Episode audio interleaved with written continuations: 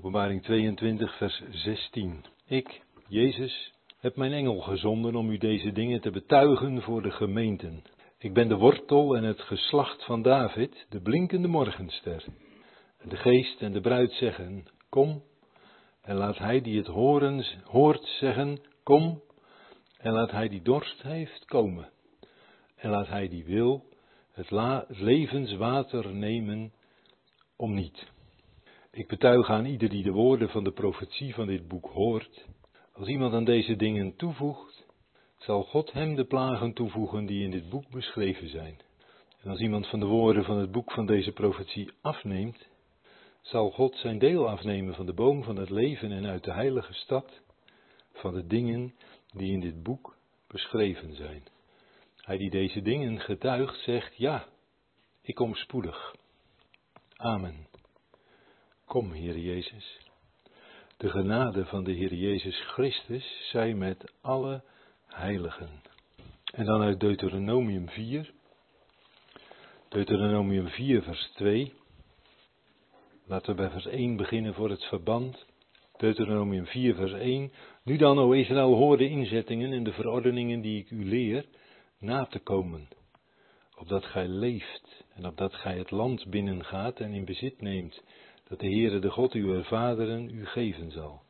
Gij zult aan wat ik u gebied niet toedoen en daarvan niet afdoen, opdat de geboden van de Heere uw, opdat gij de geboden van de Heere uw God onderhoudt, die ik u opleg.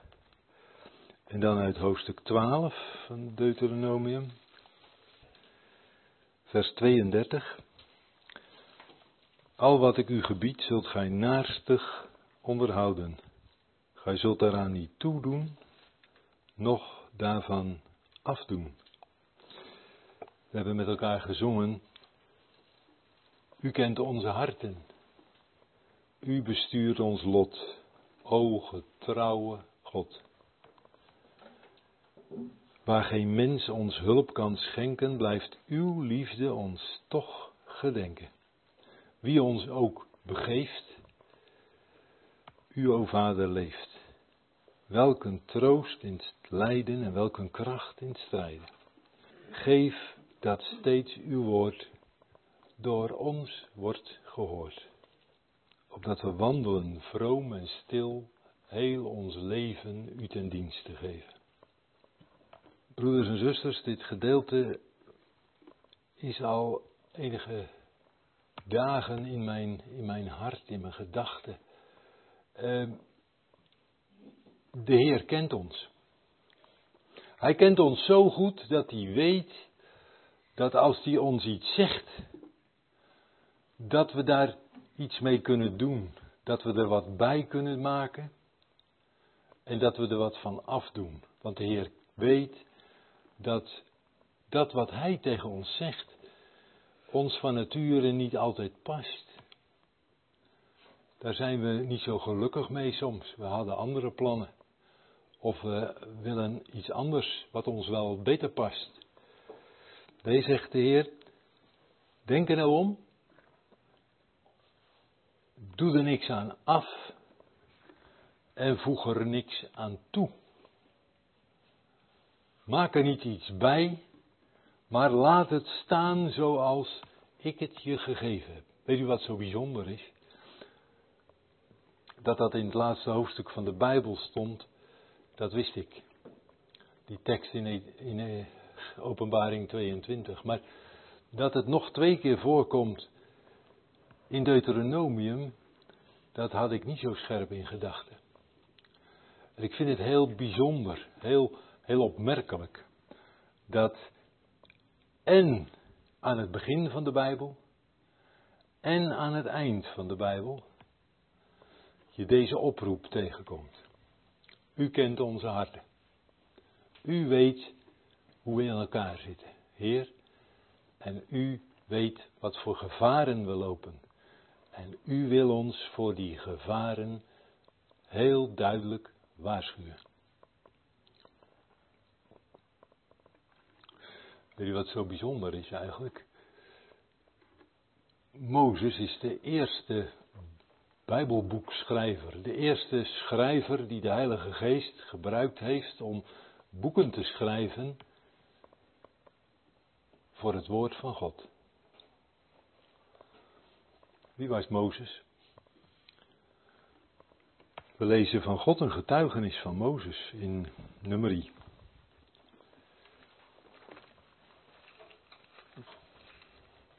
Ik meen hoofdstuk 13. Hoofdstuk 12 is het.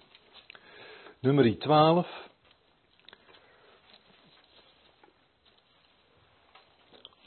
Daar lezen we in, aan het eind van vers 3.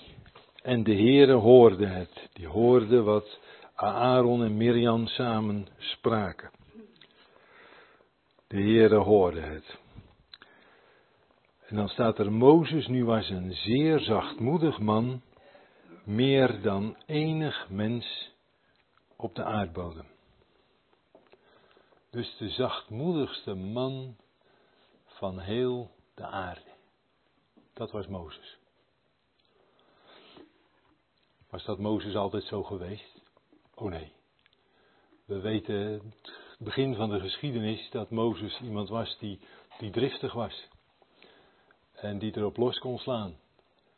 En dat uh, met noodlottige gevolgen. Mozes die dacht dat God door hem redding zou geven. En toen kon God hem niet gebruiken. Maar aan het eind van zijn leven, op het moment dat Mozes zegt van Heer, ik ben er niet geschikt voor. Ik kan die taak die u wil dat ik doe, kan ik niet volbrengen. Stuur u maar iemand anders. Dan zegt God, nee Mozes, jij moet het doen. Dat is Mozes. En die Mozes gebruikt de Heilige Geest om vijf Bijbelboeken van de 66 aan ons toe te vertrouwen. Genesis, Exodus, Leviticus, Numeri en Deuteronomium. Aan het eind van de Bijbel hebben we iets gelezen in Openbaring. Johannes. Johannes is, voor zover we dat uit de ongewijde geschiedenis weten, ik meen zelfs de enige apostel die niet door eh, mensen omgekomen is.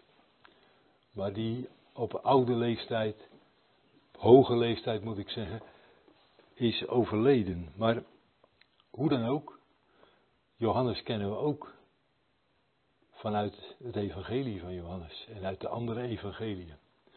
Johannes, als hij over zichzelf schrijft in het Johannes-evangelie, dan spreekt hij over de discipel die Jezus lief heeft. En dan zou je kunnen denken dat hij de Heer Jezus lief heeft, maar als je de nood in, de, in die evangelie, in het evangelie van Johannes naleest, bijvoorbeeld in Johannes 13, vind je dat, dan staat er heel duidelijk bij dat het daarom gaat dat de Heer Jezus Johannes lief heeft. De Heer Jezus heeft Johannes lief. Had Johannes het daarna gemaakt? Oh nee, de Heer heeft ook een werk, zoals hij dat met Mozes heeft gehad, heeft hij ook een werk van opvoeding gehad, nodig gehad voor Johannes. Johannes wordt in een van de evangeliën zonen, samen met zijn broer Jacobus, wordt hij genoemd zonen des donders. En de Heer moet tegen hem zeggen van, weten jullie niet welke geest er in jullie is? Weten jullie niet van welke geest jullie zijn? Ziet u wat een werk de Heer kent? Hij kent onze harten. Hij kent onze harten. En de Heer heeft door de Heilige Geest ook Johannes gebruikt om Bijbelboeken te schrijven. Weet u hoeveel? Vijf. Het Evangelie naar Johannes, de drie brieven van Johannes en de Openbaring. En in uitgerekend die twee groepen van boeken, dat zijn er dus tien van de 66, uitgerekend in die boeken heeft God een waarschuwing gegeven van zorg nou dat je er niks bij doet en zorg nou dat je er niks van afdoet. Ik denk dat dat ook voor onze dagen geschreven is, broeders en zusters. Wij lopen gevaar om dingen die ons niet past, een hele theorie omheen te hangen en dan te zeggen van ja, maar dat geldt niet meer voor ons. Nee, zegt de Heer, doe er niks van af. We kunnen ook het gevaar lopen, en de Heer kent onze harten en die weet hoe we in elkaar zitten. We kunnen ook het gevaar lopen dat, dat we er iets bij maken. Dat we iets verder gaan met onze, onze afspraken of onze wijze van doen. En dat we meer afkeuren of meer goedkeuren dan dat de Heer gezegd heeft. Dan doen we er wat van af. En dat wil de Heer niet. Laat het staan zoals je het van mij gekregen hebt. Broeders en zusters, het is een, een hele opmerkelijke zaak dat juist in deze twee groepen van boeken, en je kan zonder meer zeggen dat de openbaring het laatste boek is wat toegevoegd is aan, uh, aan de Bijbel. Dus diegene die die laatste vijf boeken geschreven heeft, Johannes, in opdracht van de Heere God, heeft eh, als laatste een boek aan de Bijbel toegevoegd en heeft dat er nog eens in opgenomen. En Mozes, die dat in het begin moest doen, heeft dat ook op moeten nemen. Tweemaal toe. En hoe belangrijk is het dan dat wij daar aandacht aan geven?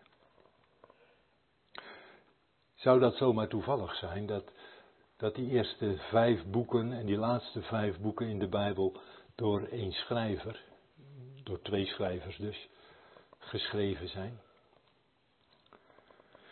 Het getal vijf spreekt van verantwoordelijkheid. We hebben aan elke hand vijf vingers en we hebben aan elke voet vijf tenen. We zijn verantwoordelijk voor datgene wat we doen en voor datgene waar we komen en voor datgene wat we zeggen. Kortom, de Heer geeft ons een verantwoordelijkheid en Hij vraagt ons ook rekenschap. Wonderlijk dat juist in die boeken, waar dat getal 5 toch, toch wel op een heel bijzondere wijze naar voren komt, dat dat daar beschreven is. Het is een verantwoordelijkheid voor ons te nemen wat er staat. En daar niet met ons verstand, met ons intellect, met onze eigen wensen mee aan de haal te gaan.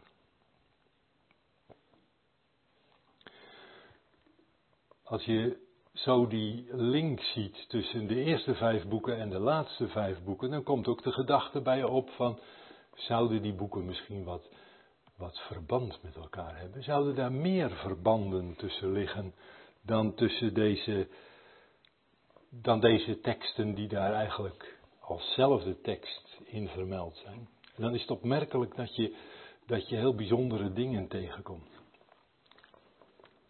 En ik eh, wil bepaald niet zeggen dat ik al die verbanden gezien heb en ken, maar ik, er zijn er wel een paar die, die voor mij heel, heel bijzonder en heel duidelijk waren. En die wil ik graag doorgeven. Met dit in het achterhoofd, dat, dat we zien hoe groot die God is die onze harten kent. Hoe machtig en majestueus Hij Gods woord heeft samengevoegd. En hoe wonderlijk Hij de boodschap van begin tot eind aan ons door wil geven. En ons, ja, misschien wel wil overweldigen door de grootheid van, van Zijn majesteit, Zijn heerlijkheid zijn grootheid. Vol van genade en waarheid hebben we vanmorgen gelezen.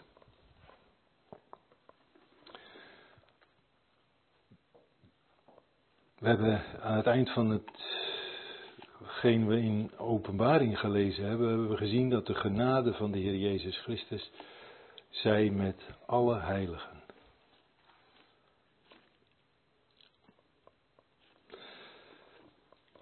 Genade komt in het Oude Testament maar een betrekkelijk gering aantal keren voor. heb wel eens gelezen van twaalf keer.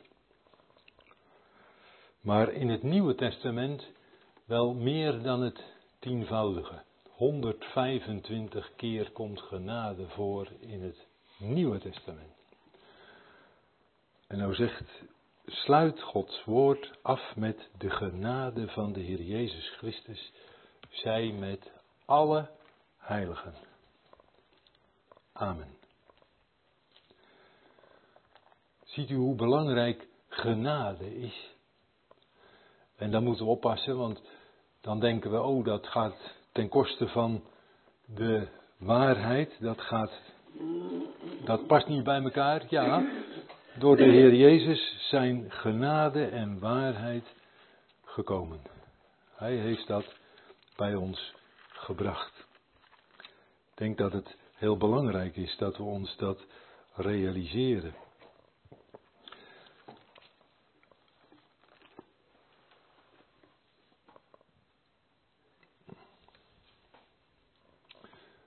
Overeenkomsten tussen die twee vijftallen boeken. Een van, een, een van de opmerkelijke vond ik de geschiedenis van, de eerste, van het eerste wonder, het eerste wonderteken wat Mozes moest verrichten bij Farao. Mozes moest water in bloed veranderen. Water in bloed. En in het Johannesevangelie is het eerste wonder wat vermeld wordt, Johannes 2, dat water in wijn veranderd wordt. Bloed is uiterst belangrijk, maar dan moet het wel in het organisme zijn, dan moet het wel in het lichaam zijn. Daar heeft het een enorme functie. Op het moment dat dat water van de Nijl allemaal bloed was, dan lezen we ook in die geschiedenis dat de dieren daar niet konden leven, dat de rivieren gingen stinken van alle dode dieren die daarin dreven.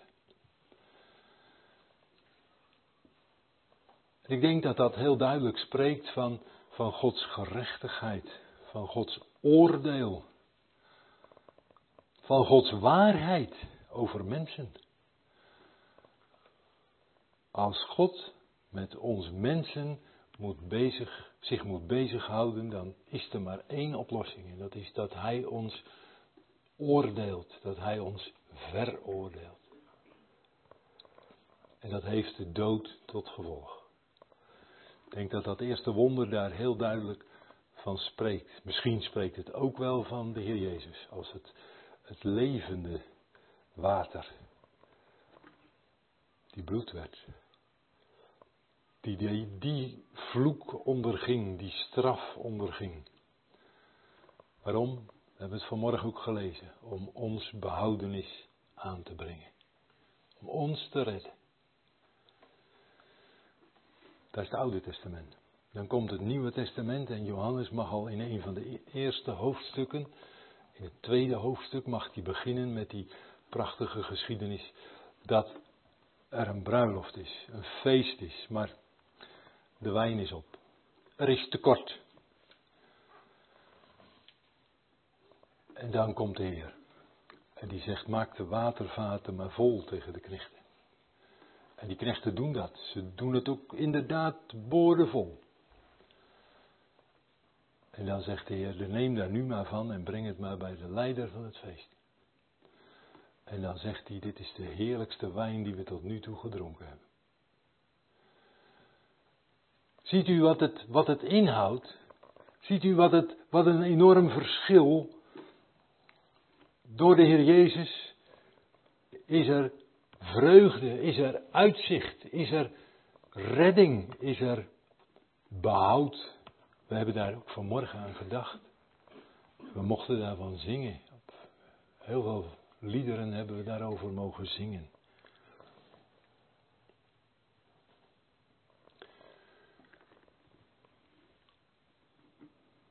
Kijkt naar het eerste Bijbelboek van Mozes, door Mozes geschreven, dan, dan is dat Genesis. Dat is de wordingsgeschiedenis van de aarde, de schepping.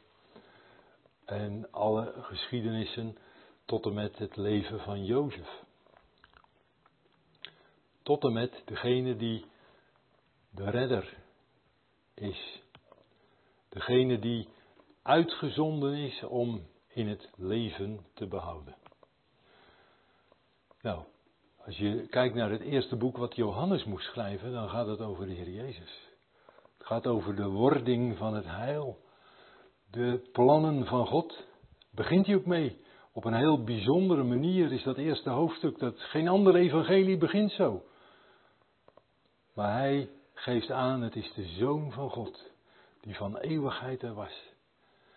En hij moet aangeven dat diegene het is die uiteindelijk sterft aan het kruis en voor ons de straf op zich neemt. Is het niet wonderlijk dat die machtige God zo niet zomaar dat woord van God heeft samengesteld, maar daar zijn, zijn bedoeling in, in heeft, maar ook zijn heerlijkheid in legt.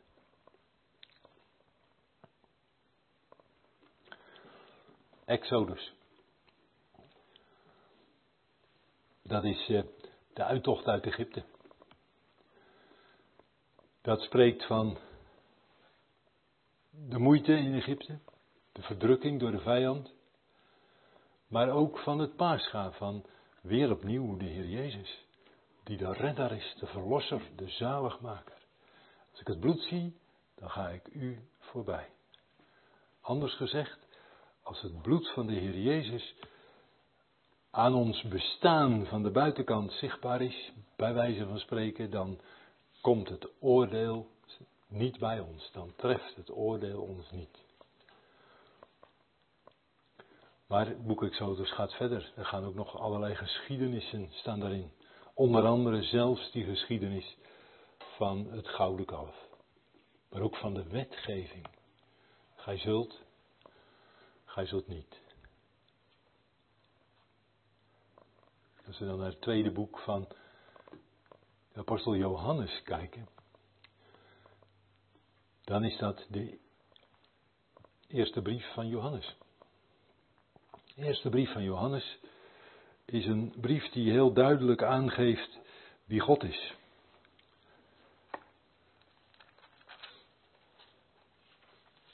God is licht en God is liefde. We vinden die twee kenmerken heel duidelijk vermeld in, het, in de eerste brief van Johannes. Ziet u het, het contrast met de wet? Daar had het men alleen te maken met de oordelende God, men zich, wanneer men niet voldeed aan de eisen van de wet. Maar het Nieuwe Testament leert ons dat God licht is. Met andere woorden, dat hij de zonde niet door de vingers ziet. Nee, hij moet de zonde oordelen. Maar dat heeft hij in zijn liefde gedaan door de Heer Jezus. Door de Heer Jezus tot zonde te maken. het is zo, zo simpel gezegd, maar als je je realiseert wat dat voor de Zoon van God betekend moet hebben, dan word je er zo klein van, dan word je er zo stil van. En dan zeg je, Heer, hoe is het mogelijk dat u dat hebt willen doen?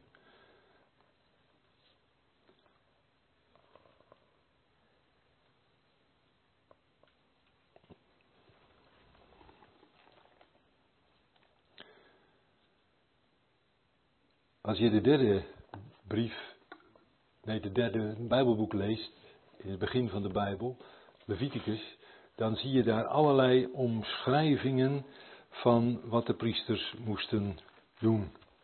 Je begint allereerst met de hoofdstukken over de offers. De offers met al hun betekenissen worden in Leviticus heel uitgebreid genoemd. Maar ook veel andere beschrijvingen vinden we daar. We vinden daar dat uh, de wet op de melaatsheid bijvoorbeeld. We vinden daar uh, uh, beschrijvingen over wat men moest doen met, met eigendommen. Kortom, allerlei maatregelen worden genomen. En dat heeft ook te maken met de zonde in ons leven. Met datgene wat er nog bij ons kan zijn. Als je dan de tweede brief van Johannes leest, dan zie je daar dat eigenlijk een heel groot gedeelte is de waarschuwing tegen dwaaleer, tegen valse leraars.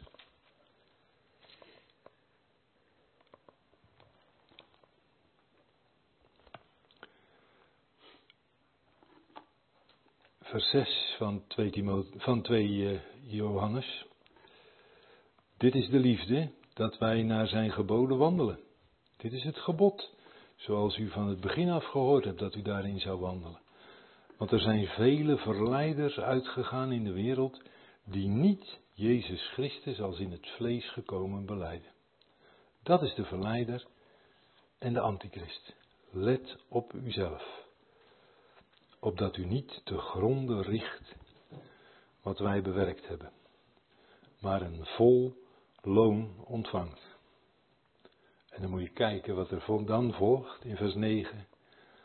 Ieder die verder gaat. Zie je, daar heb je het weer.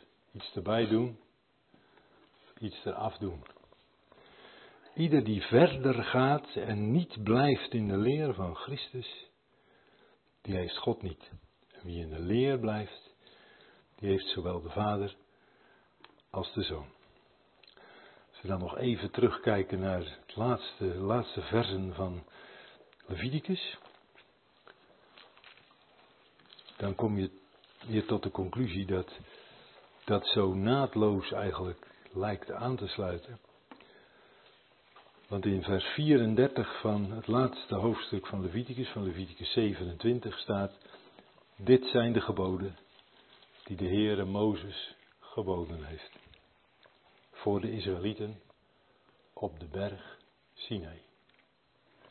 En zelfs in dat middelste boek van Johannes maakt hij nog de opmerking: kijk nou uit, ga niet verder. Als je verder gaat in de leer van Christus, dan maak je er dus iets bij, of je doet er iets van af. Maar je doet er iets mee. En dat wil de Heer niet. Daar waarschuwt hij heel nadrukkelijk voor. Dan hebben we nog het, vierde boek van Mozes, Numeri. Dat is een, eh, een, hele opgave. Het woord nummerie betekent ook getallen. Er staan ook heel veel getallen in, heel veel uitkomsten van tellingen die Mozes verrichten moest. Maar er staat veel meer in, in Nummerie. Nummerie is ook een boek wat de tocht verder beschrijft. En aan het eind van het boek Nummerie merk je dat men vrijwel in het land is. Dat is nog maar een, een kort stukje. Boek eh, Deuteronomium begint met een terugblik van Mozes. En dat betekent dat Mozes daar nog leeft. Maar we weten dat Mozes zelf niet in het land gekomen is. Maar bij de berg Nebo, vlak buiten het land Canaan, door de Heer begraven wordt. Dus sterft en door de Heer begraven wordt. Dat betekent dat het boek eh, eh Nummerie eindigt vlak bij het beloofde land. Nou, ik denk dat de derde brief van Johannes ook heel duidelijk is. Dat het gaat om, eh, om tijden die heel, heel gevaarlijk zijn. Heel, in feite is dat de tweede brief van Johannes ook al zo. Dat de Heer wijst op, waarschuwt op de, de eindtijd. Maar dat vind je hier ook. Je vindt mensen die de eerste zijn, die zich dus heel erg belangrijk vinden. En in vers 10 vind je dat er iemand is die tegen ons, de apostelen, zwetst en niet tevreden is dat hij zelf de broeders niet aanneemt, maar verhindert de anderen die dat wel wilden om, eh, om te doen en hen uit de gemeente werpt. Je ziet een situatie die heel duidelijk wijst op de tijd die vlak voor de komst van de Heer ligt.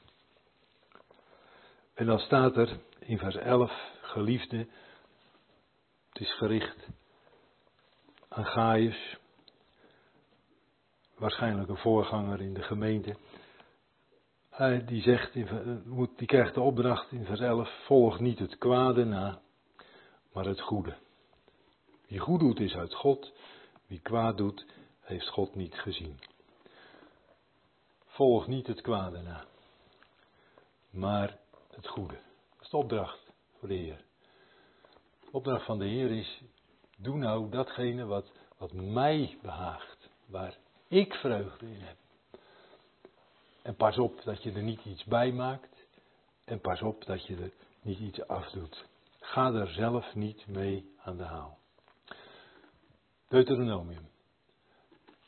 Dat is een, een, eigenlijk in één woord een, een terugblik op alles wat er gebeurd is vanaf de wegvoering uit Egypte tot en met de aankomst vlak bij het beloofde land. Broeders en zusters, als je dan kijkt naar de laatste brief die de apostel Johannes moest schrijven, dan zie je dat dat ook een, een terugblik met zich meebrengt voor ons. Maar op het moment dat hij het schreef, een vooruitblik. Namelijk openbaring 2 en 3, de profetieën over hoe het met de gemeente zou gaan. Maar ook een heel overzicht. Een heel overzicht, want daar houdt het niet bij op. Het houdt op bij de versen die we gelezen hebben in hoofdstuk 22. Waarbij de Heer zegt van ik kom spoedig. Ik kom spoedig. Mozes moet zeggen van ik hou je twee keuzen voor. Ik meen dat dat hoofdstuk 30 is van Deuteronomium. Ik hou je het goede voor en het kwade. Kies dan het leven opdat het je wel gaat. Hier heel duidelijk in, deze laatste, in het laatste Bijbelboek van Openbaring vinden we ook heel duidelijk die woorden. Kies dan voor het leven. Kies dan de Heer Jezus en volg Hem na. Geef dat steeds uw woord door ons wordt gehoord. Uw woord. Niet het woord wat wij erbij gemaakt hebben of afgedaan hebben, maar heel uw woord is de waarheid, staat ergens in. Ik meen de psalmen. Heel uw woord is de waarheid. Daar moeten we aan vasthouden. Niet minder en niet meer. En hoe lang moeten we dat doen? Totdat de Heer komt. En wie weet hoe gauw gaat dat gebeuren. Daar spreekt ook openbaring 22 van. De Heer heeft zijn engel gezonden om deze dingen te betuigen. Ja, machtig hè, dat God zijn woord geeft en, en ons vanavond een, een, een kiertje opent om tien Bijbelboeken in vogelvlucht even aan te stippen. Maar er zijn er nog 56 daarnaast. En in al die Bijbelboeken laat God zijn heerlijkheid zien. Laat God zien hoe groot hij is. Hij laat niets aan aan toevalligheden over, maar hij heeft alles van A tot Z helemaal in zijn machtige, majesteitelijke handen. De blinkende morgenster. Voordat de dag aanbreekt, komt de morgenster. Voordat de donkerte verdwijnt voor het volle licht van de dag, is er een morgenster. De Heer Jezus zal komen. Die komt niet op het moment dat het licht is, dat het allemaal voor de wind gaat, dat het allemaal prachtig is en pijs en vree is. Nee, hij komt als het donker is. En we zien de dingen nogal donker worden. En je ziet, je leest allerlei berichten over mensen die, die inzien dat de tijd die we tegemoet gaan niet een tijd van welvaart is, van grote welvaart. Maar dat kan best wel een hele andere periode worden. De Heer zegt van, richt je op de morgenster. Hou daar rekening mee. De geest en de bruid zeggen kom. De Heilige Geest verlangt ernaar. En wat zou het mooi zijn als de bruid, de gemeente, die de Heer Jezus toebehoren, ook zeggen van Heer, wij willen dat u komt. Niet om een eind te maken aan onze ellende en aan onze moeilijkheden en alle tegenvallende gebeurtenissen die we als broeders en zusters, maar ook misschien wel persoonlijk meemaken. Nee, hij zegt, kom omdat de Heer Jezus dan tot zijn doel komt. Dat hij zijn bruid als overwinnaar binnen mag voeren in zijn heerlijkheid. En dat die, die scheiding die hij nu ervaart als bruidegom met zijn bruid, dat die scheiding voorbij is. En dat hij bij zijn bruid kan zijn. En dat zijn bruid, wij, bij hem zijn. Dat we hem zien zoals hij is. Hij is ook zo mooi. Daar spreekt de openbaring van. Daar spreekt ook Deuteronomium van. Dat, dat Mozes de Heer kon zien en met hem kon spreken van aangezicht tot aangezicht. Ook daarvan spreekt openbaring. Wij zullen hem zien. We zullen hem van aangezicht tot aangezicht zien. Die deze dingen getuigt zegt, ja, ik kom spoedig. Dat is de belofte van de Heer. Ik kom spoedig. En dan is hier het antwoord, amen. Zo zei het. Kom. Heer Jezus. En in die tussentijd, in de tijd die het nog duurt, ik weet het niet hoe lang het nog duurt, dat weten we geen van allen. Weet zelfs de Heer Jezus niet. Maar op het moment dat God zegt, nu mag de bazuin klinken, nu mag je ze tegemoet gaan, dat kan heel gauw zijn, dat kan ook nog wel enige tijd duren, ik weet het niet hoe lang. Maar in die tijd hebben we de belofte van de Heer dat zijn genade bij al zijn heiligen is, bij al de zijnen zal zijn. Zullen we het vasthouden, broeders en zusters?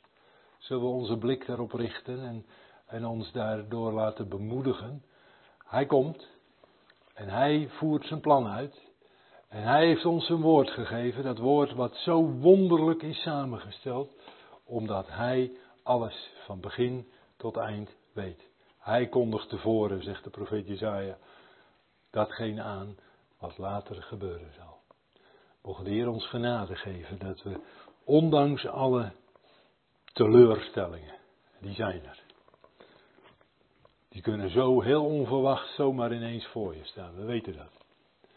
Maar ondanks die, laten we vasthouden aan Hem, die alles in zijn machtige handen heeft. En die in die handpalmen ook onze namen gegraveerd heeft. Die God is onze God. Die God is onze Vader, mijn Vader, uw Vader, zegt de Heer Jezus.